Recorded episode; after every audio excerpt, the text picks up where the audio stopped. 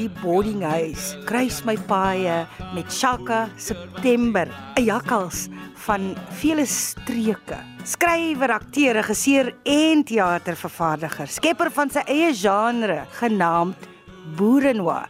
Nou voordat ons begin by wie Shaka eintlik is en daai interessante naam van jou, Boerenoir, verduidelik Boere Noir het gekom uit 'n reeks wat ek geskep het. Ehm um, so ek skep teater, strokiesprente, ek ek's 'n storieverteller. So hoe ook al dit gebeur, kan in film, ons het 'n st uh, stop animation ook al gemaak. Ons het begin werk met 'n uh, speurreeks, Staal wat gebaseer is op 'n uh, Staalburger, maar hierdie is Staal is sy is sy ehm um, bynaam en Boere Noir is dan 'n noir film uh, of 'n storie maar met die boere aanslag so 'n bietjie Vrystaat, bietjie two-tone. Jy weet al daai prettighede van die Afrikaner, ja. Dit is nogal snaaks, bietjie Vrystaat, bietjie two-tone. Wat jy groot geword, Chaka? Uh groot geword in hulle noem dit slummies, uh, Oos-London, ja. Baie gesurf, uh ja. Hierdie hele liefde vir skep teater, kuns, van waar daai liefde? Kom jy uit 'n familie, 'n gesin met daai klas talente of belangstellings? Ek het groot geword met 'n uh, familie wat gedink het ek gaan 'n ingenieur word. So in die 90's na ek in die vloot was, toe ontdek ek kuns in die Kaap en ek het 'n uh, porseleinkas, 'n uh, performance art groep bymekaar gebring sonder dat ek gaan studeer het of enigiets, net die passie vir skep en performance skryf. En ek dink dis waar ek eintlik groot geword het. Dis mm. waar ek begin het om te blom en te wees en Um, ek's nou hier in die Breitenberg sentrum met die bekendstelling van uh, my eerste roman, Die Barde van van Biku April en baie van wat in daai boek kom blom uit daai tyd uit, uit vriendskap uit, uit saamwerk en uit storie vertel uit. Hoe lank neem dit jou om nou te sit vir 'n man wat soveel goed doen, om te sit en dan nou te skryf, jy weet, oor jou lewe. Hoe lank het dit jou geneem? Wel, uh, ek dink jy gaan op jou rug val. Hierdie roman het 22 jaar gevat. Oh. Ja, nee, ek is glad nie verbaas nie. Hoekom so lank? Eerstens uh dit is dis in 2000 voltooi op 'n tikmasjien, ou ou styl en toe uh, omdat ek freelance doen jy ander goed. So ek het nog twee romanne geskryf. Ek het gaan vir die eerste keer gaan drama studeer, my MA by UCT gaan doen. Ek was oor see by 'n narskool gewees.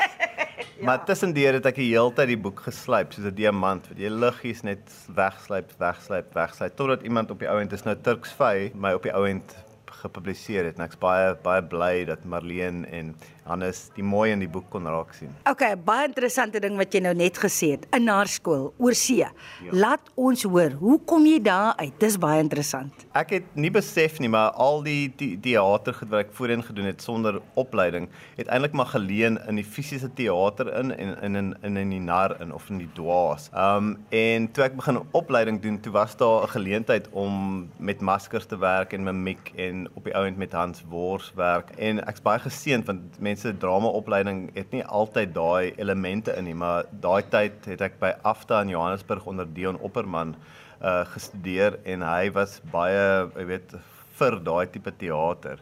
So ons het onder Sylvain Straik en mense wat ook uh in Frankryk gaan studeer het, uh het ons ons opleiding gekry. So dit was 'n voorreg, ja. As jy nou vir leeks soos ek moet vertel waarop jy hoofsaaklik gekonsentreer het met daai hele kursus. Hoe lank was daai kursus om 'n professionele nar te word? Um ons BA by Afta het het die eerste jaar was net improvisasie en mimiek en dan die tweede jaar was maskers, um so vollengte maskers waar jy nie kan praat nie wat jou hele gesig toe maak dan die kleiner masker, die halfmasker wat jou boelop net tot by jou boelop kom sodat jy kan praat. En dan die derde jaar het ons die Hans Wors gedoen en ek dink die interessantste ding rondom die Hans Wors is daai rooi neus is die kleinste masker. Ja, ja so dis net 'n masker, maar dis net 'n baie klein masker. Ja.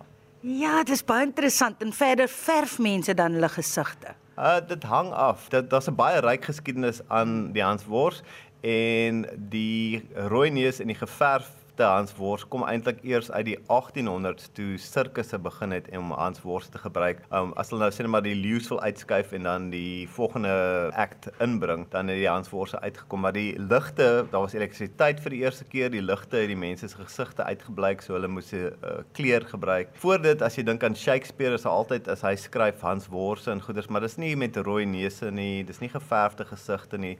As jy dink aan Mr Bean, hy's 100% 'n Hans Wors, ja. maar hy het geen rooi neus, geen geverfde gesig nie. So dis dalk 'n stereotipe om te dink aan die Hans Wors as net die Hans Wors met die rooi neus. Mm. Ja, daar's baie verskillende Hans Wors.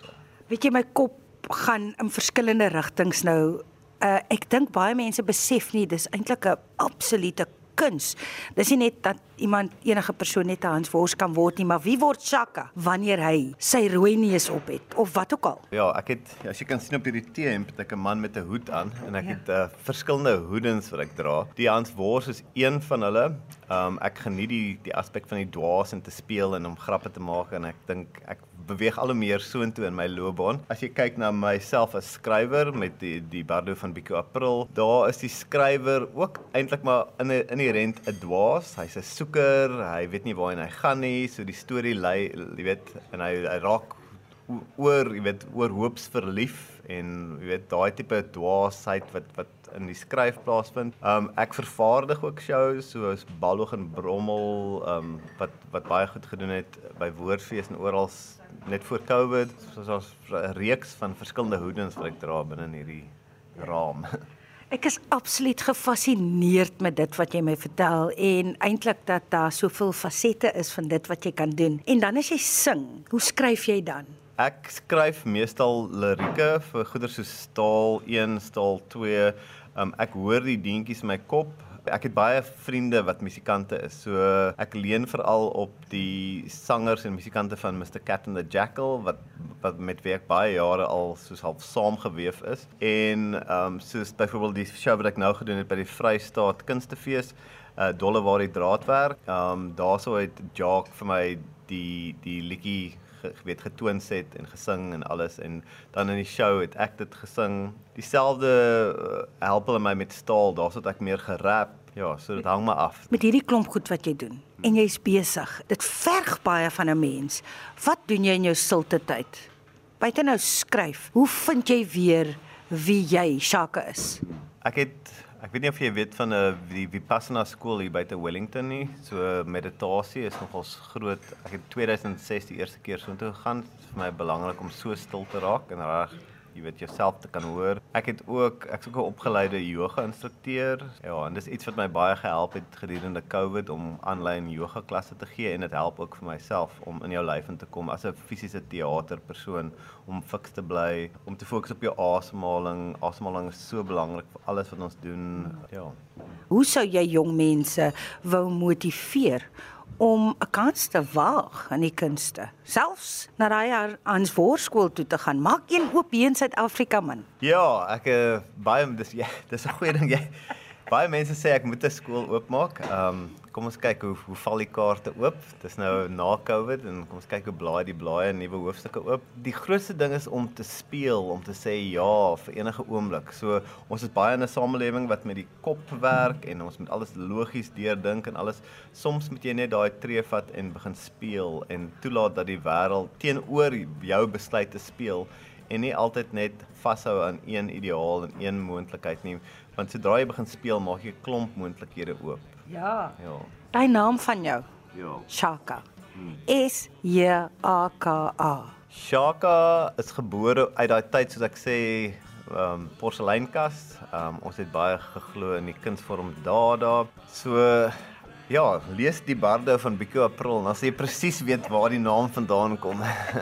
Wat van toekomsplanne, drome vir jou? Ek soos jy sê Hans Worskool sou baie baie lekker wees. Ek het die, die twee opvolgromane vir die Bardou, die show wat ek gedoen het Dolle waar die draadwerk. Ek het nou ingeskryf vir KAKNK volgende jaar, so ek sal graag verder wil speel in daai goeters en ook 'n bietjie vlerke uitsprei na oorsee. Ek dink daar's daar's ruimte om daar ook op te voer met die Hans Wors en met skryf en so. Ek wil vir jou sê Shaka voorspoed met jou pad vorentoe in die kunste. Ek hoop ek sien jou by aanstaande jaar se KAKNK en sterkte. Baie dankie. Baie dankie.